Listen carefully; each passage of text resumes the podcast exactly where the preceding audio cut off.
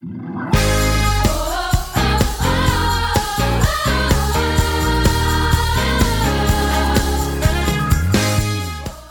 to the City Church International podcast. Each week we launch new teachings and preachings from our Sunday service. We hope it will encourage you in your relationship with Jesus and empower you in your everyday life.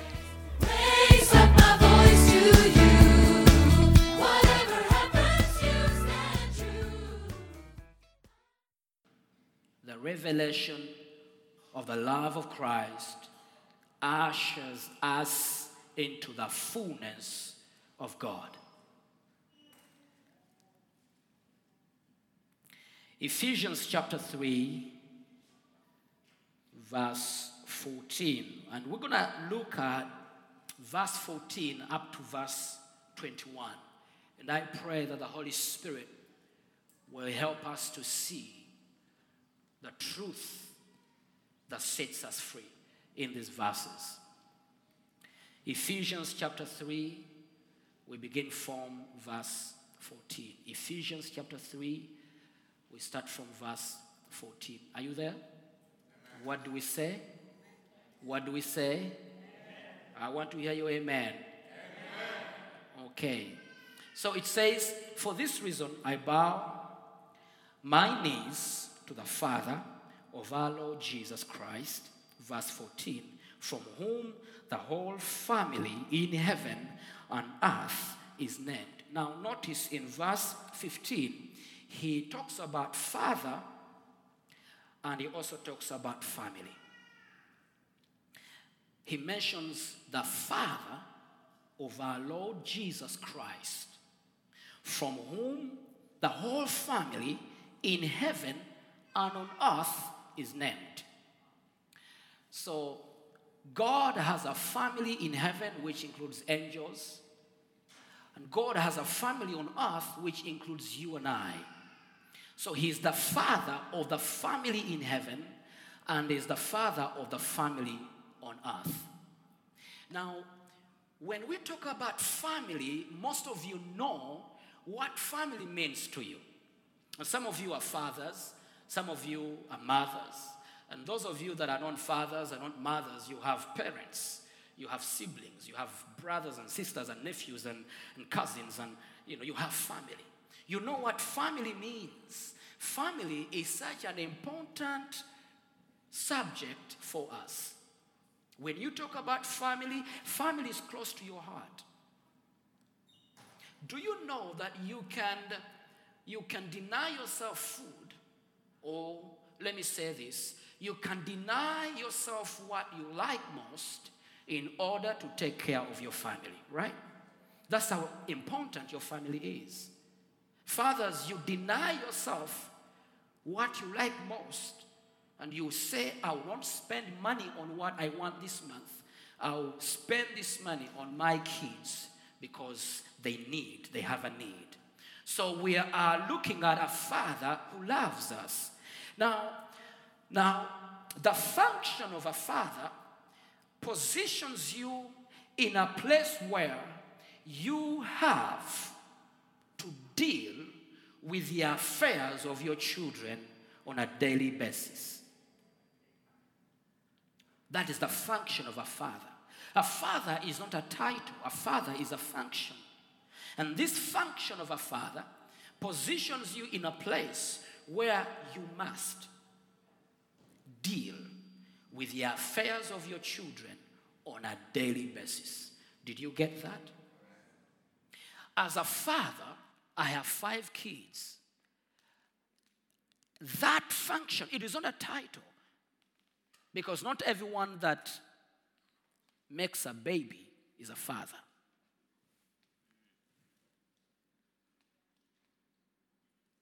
Some fathers who have fathered us are not biological fathers, but the function, their function, made them fathers of kids that are not biological kids. Are we together? So now we are talking about our Father in heaven. That means If he is my father, he takes responsibility on a daily basis. Because you see, we read the scriptures and we read through like we read a newspaper. We even cram the scriptures, but we need to think about them. And you see, what will help you to grow in scripture is when you open the Bible, you read your Bible, and you see yourself in scripture. That's how you grow in scripture. You begin to see yourself in scripture. So he is our father, and he, he has a family here on earth. So, because he's a father, he must deal with us on a daily basis. That's why he's Jehovah Jireh, your provider. He provides every day. That's why he's your healer. That's why he's your protector. He's Jehovah Nissi. He's your peace. He's your banner. He's your healer. He's your provider. He deals with your issues on a daily basis. Now, how does our Father deal with us? How does He deal with us? He's a forgiving Father. And for so long, we have looked at God as, as, as, as an angry God looking for us to see our faults and, and, and punish us, and, and, and He's so angry at us. No, our Father is not in business of destroying kids that have misbehaved in his family he's in business of restoring them and disciplining them in love The other thing I want you to know is your father is interested in your future more than you do. Your father is interested in your future more than you do. Just let me give you a live example. How many of you are fathers? Okay, I will not ask that question. Let me give you an example. I am a father. And so I wake up in the morning and I go to Wilberforce's bedroom. He's nine years old. He doesn't think about his future. I'm the one who is interested in his future. So I wake him up in the morning and I ask him to prepare himself to go to school. Because I know that when he gets education, he will have a good future. So at this point, I'm interested in his future more than he does. So your Father in heaven is interested in your future more than you do. Your Father in heaven is interested in your well being more than you do. It is my happiness to see my kids healthy. It is my glory, it is my happiness to see them prosper. Now, let me ask you a question. How many of you here, parents, that you will go back home and relax and sleep if your, fa- if your son is sick? If you know your daughter is in trouble, you go back home and eat and, and, and, and, and sleep very well. You cannot do that. So everything about us concerns God. So now this thinking will help you when you're praying. You will not, you will stop begging God and begin talking to your Father. We are coming here to pray tomorrow, breakthrough prayer. Now, this thinking will help you from to stop begging. You know the reason why you are so stressed in prayer and the reason why things are not working the way you want them to work is because you are busy begging God to give you what He has already given you. Two, you are busy begging God to give you what He wants to give you. Amen? So we are looking at father and family. God is our father. Verse, verse 15 from whom the whole family in heaven and on earth is named. Another thing I want you to notice is we are God's family. And so there are blessings that come upon a family. So you should, you should stop isolating yourself from a family. Because every time you move out of a family, isolate yourself from a family, you miss the blessing of a family.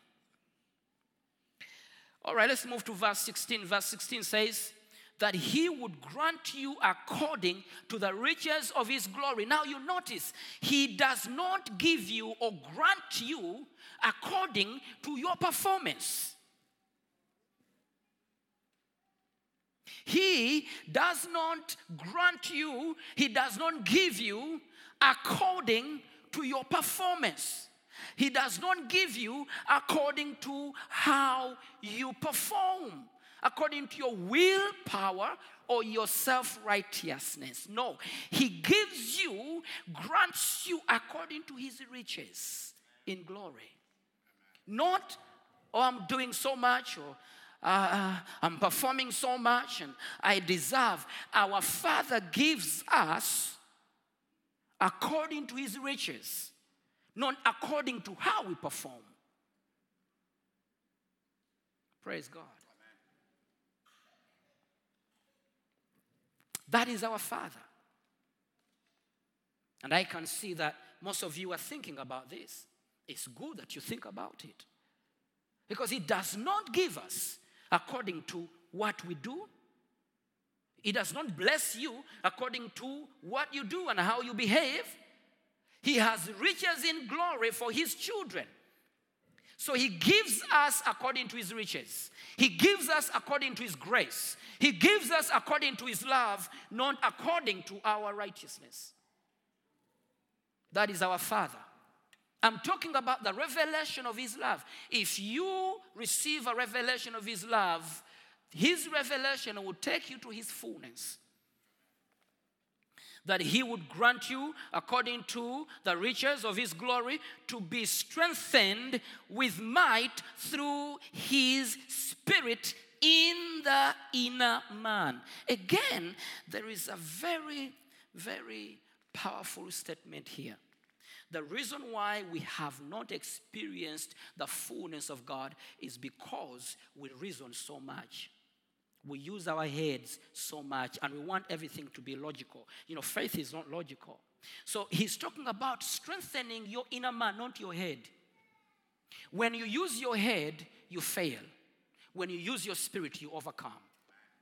So he's not talking about strengthening your thinking.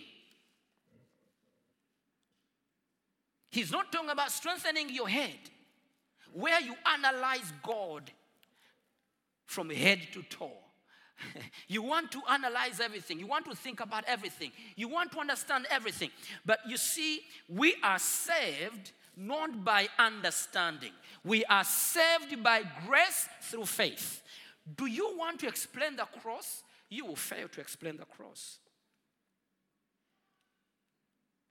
How do you explain John 3:16? Loving the whole world and you give your son to the people that are, that are your enemies, sinners. You can't explain that. So the love of God has gone beyond us. Praise God. So he's talking about strengthening us in the inner man, not our head, but in the inner man. And, and the reason why sometimes we don't receive what he has given us by his spirit is because instead of us aligning our thinking with what he has done in our spirit, we keep on reasoning everything. We reason so much and we want things to be like they were before. This is how things must be. When we talk about forgiveness, you go back in the law, and yet the law was a shadow of the New Testament. For example, I was speaking to my wife last night, we we're discussing this, and you see, the Old Testament, everything you see in the Old Testament was a shadow of the New Testament. Everything you see in the Old Testament was a shadow of the New Testament. The Old Testament was taking us to the New Testament. And the example I can give you is, for example, if I'm behind a wall and I have light behind me, what will you see? I'm behind the wall, you cannot see me. And I have light behind me, what will you see? A shadow. So you will see the shadow. If I'm carrying something on my head, how do you see I'm carrying something on my head? Through my shadow. If I'm waving my hands, how do you know I'm waving my hands? Through a shadow. You see me through a shadow. But if I walk out of the wall and you're able to see me, do you still follow the shadow? No, you have the person. So everything we see was bringing Jesus to us. It was a shadow of what Jesus was coming to do. And now Jesus is out. We, we live in him and he lives in us, but we are still following the shadow. And that's the problem. The, the law makes you to reason, grace makes you to receive. The law demands, grace gives. The law demands, grace provides. Let me show you something here. Let's go to let's go to Mark chapter 2. Keep your finger there. We are coming back to Ephesians. Uh, let's go to Mark chapter 2. Mark chapter 2.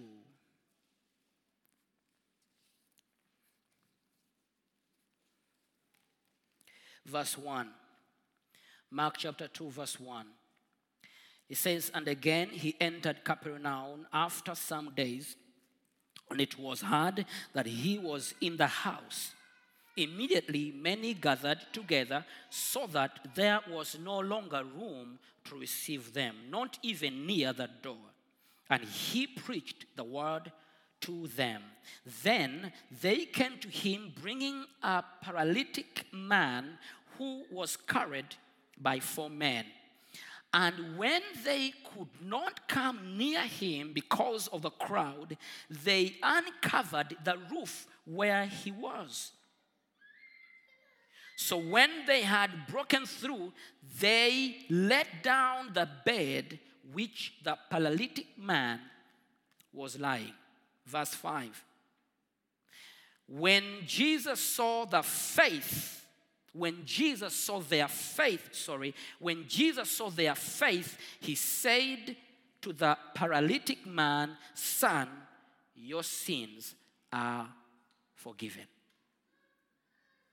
Now, this confused the people who were listening because it was so awkward for Jesus to speak to this paralytic man that your sins are forgiven. Because according to the law, that sin, the punishment for that sin was death. So, how can you come, Jesus, and you tell this man your sins are forgiven? And yet, according to the law of Moses, that sin must be punished and the man must die. Another thing you don't see here, you don't see this man coming to Jesus on his bed and he says, Jesus, forgive me for that sin, forgive me for that sin and that sin and that sin and the sin I committed 20 years ago, please forgive me. And Jesus says, Okay, now I forgive you, be healed.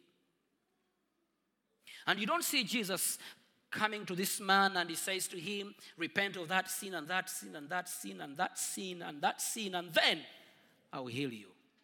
What we see is one thing happened. The man put his faith in Jesus, and Jesus looked at the faith of the man, and Jesus says, Your sins are forgiven. That's powerful. That's a powerful statement right there. That's a radical truth that so many people, including believers in the church, are struggling with.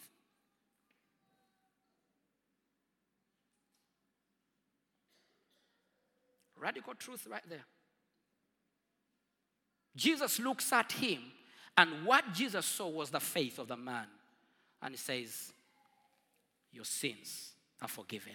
Having faith in Jesus Christ takes you out of no matter how many sins you've committed, no matter how dirty you are, no matter how you have offended God, but once you put your faith in Jesus Christ, God, the judge, stops looking at you and he looks at the blood of Jesus and your sins are washed away. That's a radical truth right there, and people are still struggling with it. Now, listen to what happened. Verse 6 And some of the scribes were sitting there and reasoning in their hearts. You see, the reason why we don't experience the fullness of God is our heads. These things I'm talking about can never be perceived by your head. The things of the Spirit are never perceived by your thinking. The things of the Spirit are perceived by your spirit. The things of God are not perceived by a man's head. The things of the Spirit are perceived by the Spirit of a man. So, my prayer today that there shall be a miracle right now that you will come from your head and begin to operate in the Spirit. Because what Jesus was doing here was a spiritual thing that men who use their heads never understood. Because according to their law, according to, to their, the way they did it before, that man was supposed to be killed. But this man is now receiving healing and forgiveness just because of his faith. Oh my God. Just because of his faith. He has done nothing, Jesus. He needs to die. He has not even said sorry. How can you forgive his sins? Yes, I forgive his sins because he has faith in me. Only believe. Only believe. Oh, you don't know what I've done. You don't know where I'm coming from. Yes, I'm, I know what you're saying, but there is only one way for you to get out is believe that Jesus died on the cross and your sins are forgiven. Sins past, present, and future, He has taken care of them. That is the truth. Now, listen to what happened. And so they began to do what? To reason in their hearts. Verse 7 Why does this man speak blasphemies like this? Who can forgive sins but God alone? But immediately, when Jesus perceived in his spirit, they are reasoning in their heads, and Jesus perceives in the spirit. I pray that you begin to perceive with your spirit, that your inner man will be strengthened. So Jesus perceived in his spirit that they reasoned thus within themselves. He said to them, Why do you reason about these things in your hearts? Why do you reason? Why don't you believe? I'm asking the same question because I know there are people reasoning here. Say, Wilberforce, I understand what you're saying, but you don't know how bad it is. Why do you reason with these things? Only believe. You see, grace has already provided. The law demands, grace provides. The law demands righteousness, grace provides righteousness. And the reason why the law was given to us is to show us that we need Christ. So the law was a shadow of what Jesus was coming to do. And when Jesus comes, he fulfilled every law so that you can receive by grace. Praise God. And these things can never be perceived by your head, it's by your spirit. And the miracle is right here that we are looking at. We have to receive it. Okay, let's go back to Ephesians 3.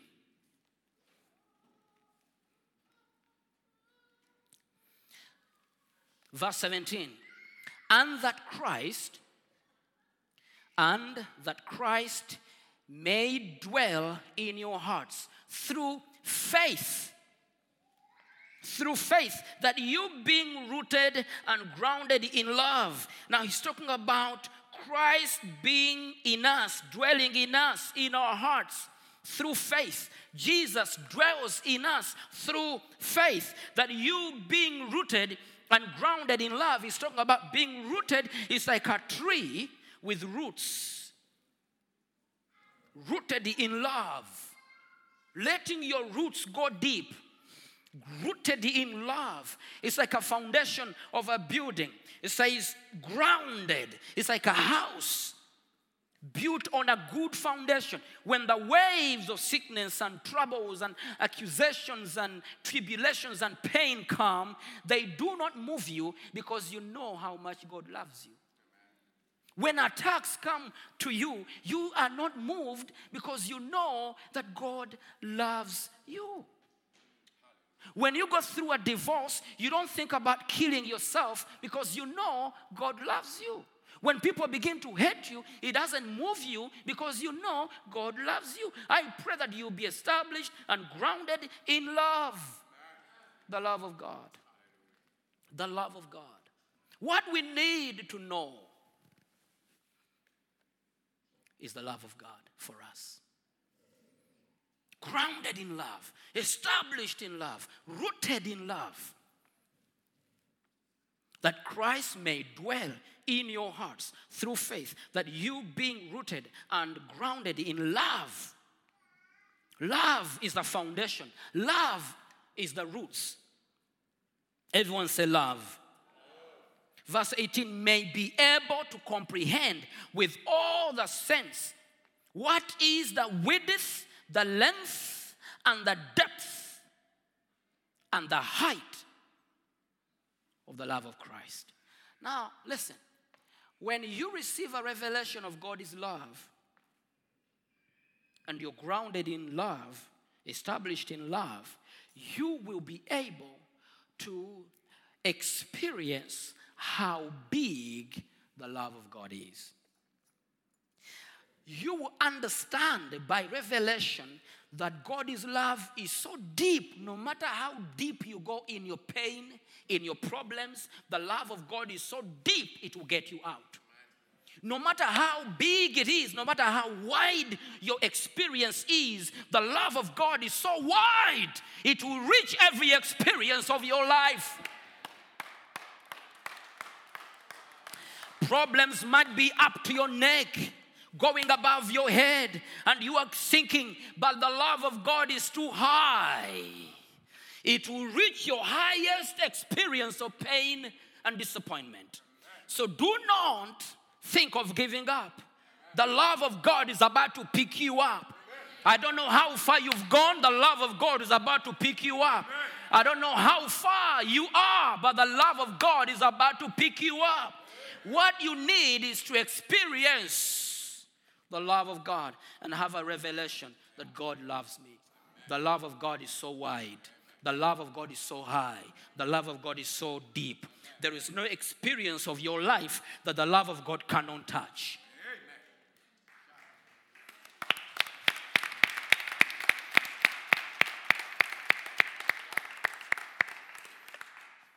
Let me say this again because I feel it's touching someone right now. There is no experience in your life that the love of God cannot reach. You see, that's why we spend so much time telling people what they should change,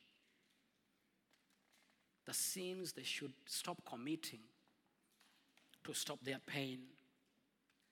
Of course, sin will cause pain in your life. Sin is so dangerous. You see, sin killed Jesus on the cross. And if you entertain it, it will bring pain in your life. But the grace of God is sufficient. It will carry you through the consequences of sin. That's why John writes to us and he says, I write to you these things that you may not sin. But in case you sin, you have an advocate. Don't carry the baggage of your sin. Let Jesus speak for you. Let the blood of Jesus speak for you. But he says, I write to you that you may not.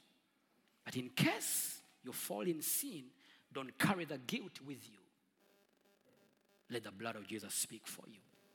But you see, we spend so much time preaching things that are not necessary. What is necessary is the love of God because the love of God is able to get everyone out where they are. If we can speak the love of God and give it authority in our church, and speak the love of God and give it authority in our community, the love of God will change the people, men and women that we think can never change. The love of God. Now, let me tell you a story of uh, a man was a youth pastor. This man is called John, is my friend. Was a youth pastor in a Baptist church.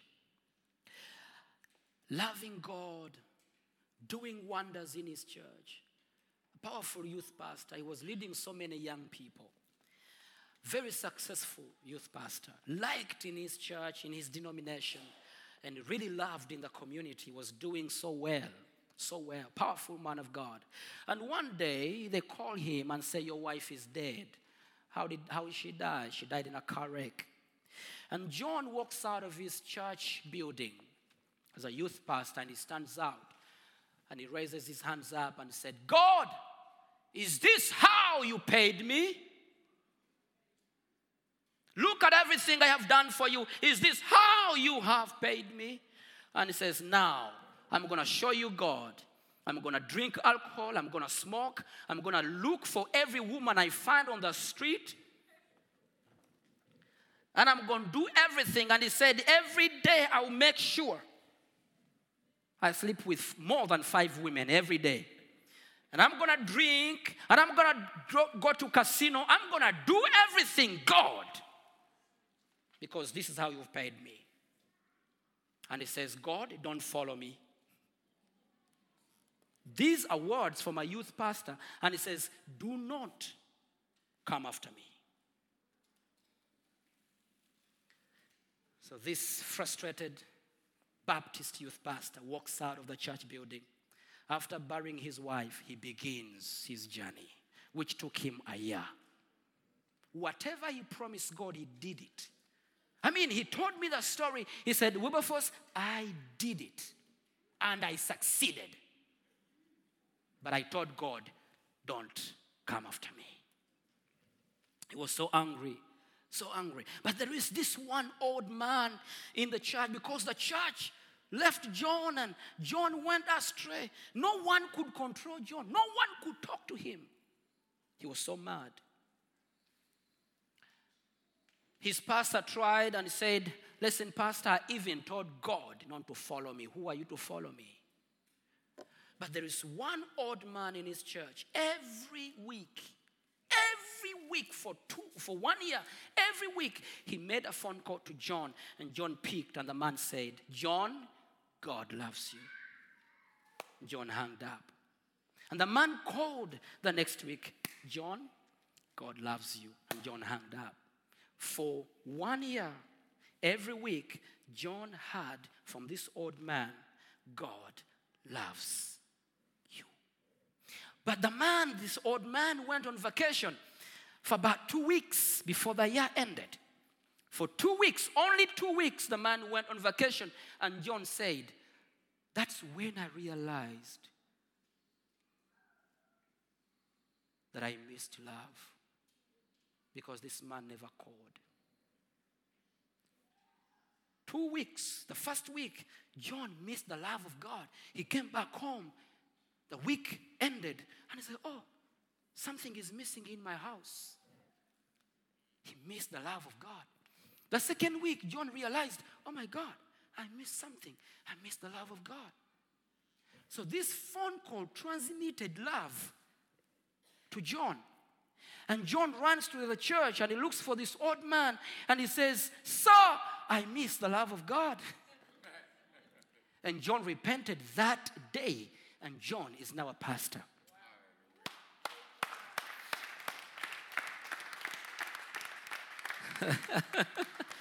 John is now a pastor of a Baptist church. Powerful man of God.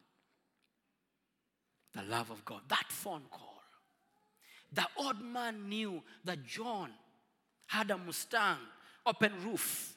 And the old man saw all these beautiful girls that used to ride with him every day. John was known for his bad behavior, but this old man insisted on telling him, God loves you. Only that word changed John. Even though it took him one year, John is now restored. Come on, I feel like clapping my hands for that. It is the love of God that changes people. The love of God. Can I tell you another story? There was this one missionary from America that went to one Asian country. And uh, his job was to give Bibles, you know, giving Bibles as a missionary, giving out Bibles. He gave out so many Bibles, but this community was addicted to tobacco. They were smoking tobacco like crazy. That the whole community ran out of papers. You know, the papers they roll tobacco in and smoke. The whole community lacked papers because everybody was smoking, from teenagers to grandfathers. It's a true story, true story in Asia. Now, I won't tell you the country for security purposes or honor purposes. Okay, but but they was addicted to, to tobacco. And so one day, the missionary went to a man, one of the leaders in the community, and uh, uh, they had some things to talk about. And this leader looks in the eyes of the missionary and said, Missionary, you know that you are promoting tobacco in our area? And the missionary said, Why? You're giving Bibles every day. These guys don't read the Bibles. When you give the Bibles out, they tear out papers and roll their tobacco and smoke the Bible. They are smoking the Bible. Do not give Bibles out because you are promoting tobacco in our area, in our community. And the missionary was so, missionary was so, so, so, so discouraged.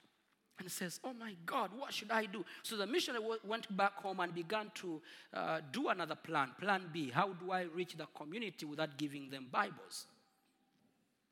But there is one man who really wanted to smoke that day and he had no paper to make his tobacco. So he goes to the window of this missionary man. He, I said, Hello, sir. Can you give me a Bible? I want to read a Bible. And the missionary says, Go away. Go away. I says, No, please.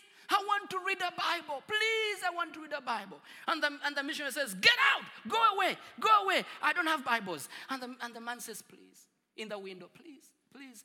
And the missionary felt compassion and he comes out. I say, What do you want? I want a Bible. I want to read a Bible.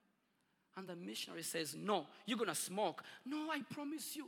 I'm not going to smoke. But he was going to smoke it. I'm not going to smoke the Bible. I will not smoke the Bible. Please, please, I beg you. And the missionary got a revelation, and the missionary said, Okay, sir, I'm to give you a Bible, but promise me that before you smoke that paper, you read it. Before you put tobacco in any paper, read it. When you tear it out, read it before you put tobacco. You promise me? And the man says, Yes, deal. High five, deal. Took the Bible, and the man was so faithful, he began with Genesis, took out papers every day and smoked. But he read the Bible. He read it and took it out. Put tobacco, smoked. Read another one, took it out until he reached John 3:16. That he did a great work, you know, smoking the whole Old Testament and went halfway New Testament. And when he reached John 3:16, he took out John 3:16 and he read it. His tobacco is prepared on the table and he's about to smoke and he reads John 3:16 For God so loved the world and he gave his only begotten son and whoever believes in him shall not perish but have everlasting life. And the man received the power of love in his heart and he took the tobacco threw it away and he looked for Sellotape and put the paper back in the bible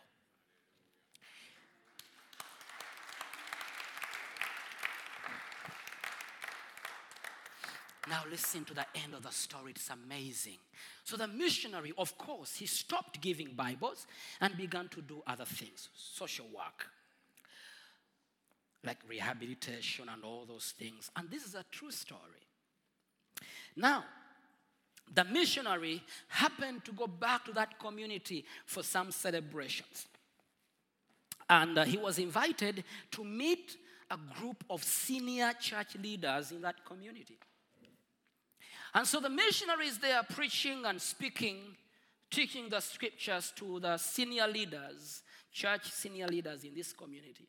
And after his teaching, a short man, small man, walks to him and he says, Sir, do you remember a man you gave a Bible and promised that every day before I smoke that Bible, I read it? And the missionary says, Yes, I do. I says, I'm the one. He's a bishop of so many churches in that community. And the man began to tell the story. And he said, Yes, I was so faithful. I smoked the Bible. I was faithful. Every day I smoked the Bible. But before I smoked it, I read it until I read John 3:16 and I stopped. Today, I'm the bishop of these pastors you're talking to. The love of God. Why don't we preach the love of God? Why don't you preach the love of God? What could change a man that was so addicted to that level? He walked around, and the best place he could go is a missionary's house to smoke the Bible. Who could change such a man but the love of God? Are you getting what I'm saying?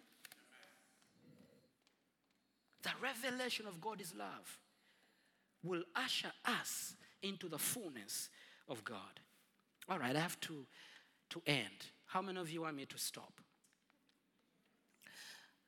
I know you don't, but I have to. By the way, we have a powerful service next Sunday. So powerful. We have a man of God who's coming to speak to us. He's a, uh, a great man of God in this city, pastors a big Eritrean church. Uh, he's coming to speak to us about this message. Praise God. So please come back next week and bring your friends as we listen to this man of God. We, we want to go in the scriptures and see ourselves in the Bible. Praise God. Verse 18. If we are ground- grounded in love, this is going to happen. May be able to comprehend with all the sense what is the width and length and depth and height of the love of Christ. Verse 19. To know the love of Christ, which passes knowledge, that you may be filled with all the fullness of God. The revelation of God is love. When you receive the revelation of God is love, and you know, and you know, and you know how much God loves you, you will give the same.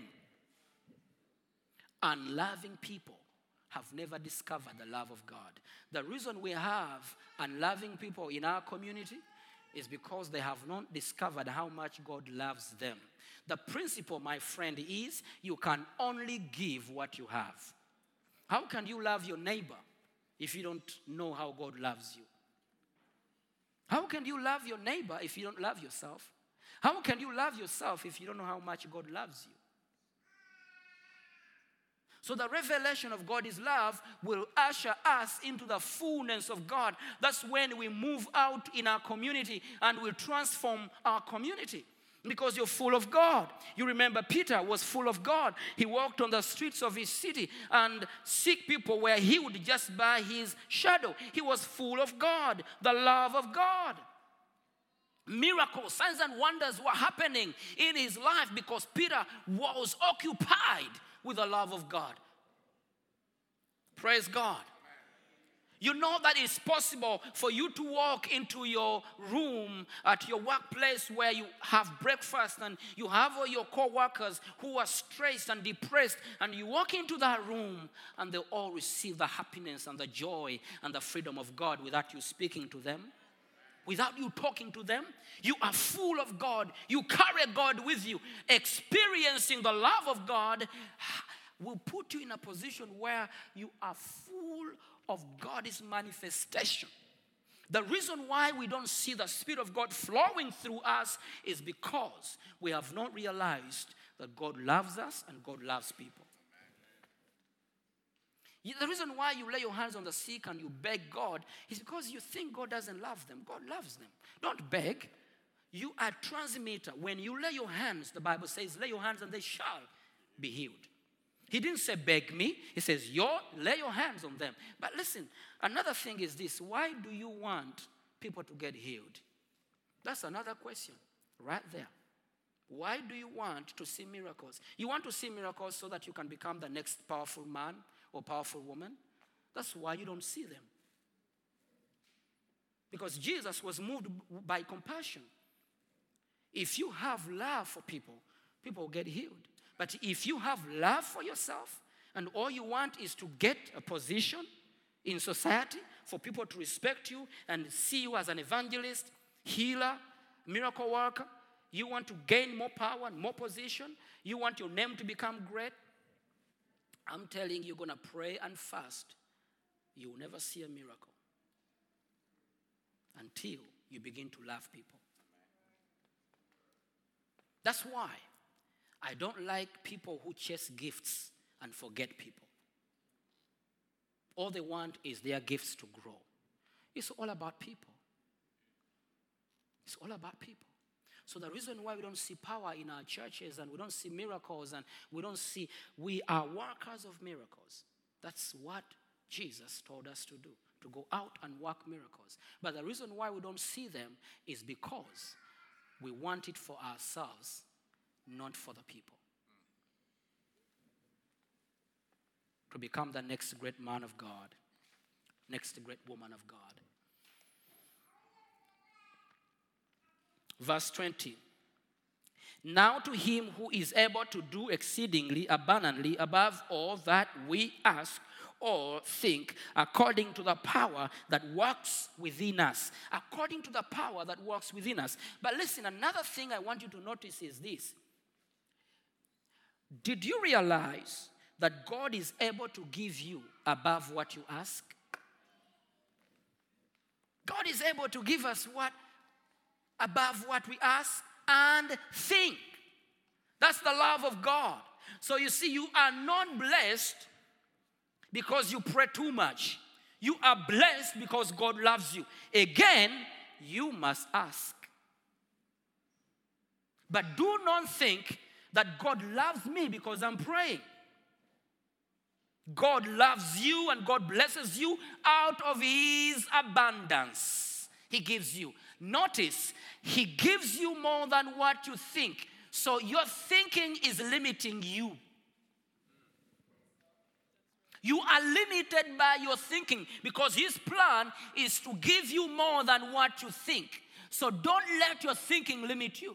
Another thing is when you're praying, you're praying for something, in your expectation, expect more than you've asked for. Praise God. Hallelujah. Now you see, when you kneel down to pray, in your expectation, do not expect God to give you what you've asked for. Remember, you must ask. That's why you need to come here tomorrow and we're going to pray. We're going to ask so that we receive out of the abundance of God. But every time you pray a prayer to God, expect more than what you have asked for. Praise God. So do not let your thinking limit you. God is able to give you more than what you ask and what you think. I don't know what you're thinking about. I don't know what your prayer is, but I'm here to let you know that God is able to give you more than what you ask and more than what you think. That's the love of God for you. That's the love of God for you. That's the love of God. That is the love of God. I said, that is the love of God. Let me let me read it again for you. Now, to him who is able, everyone say able.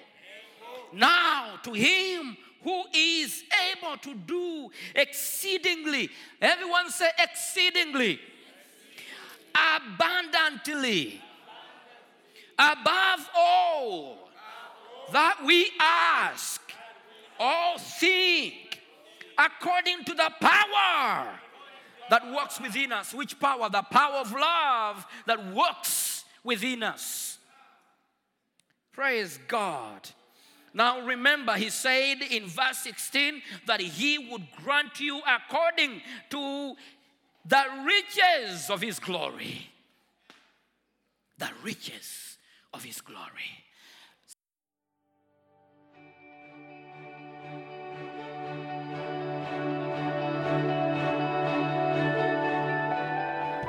Thank you for listening.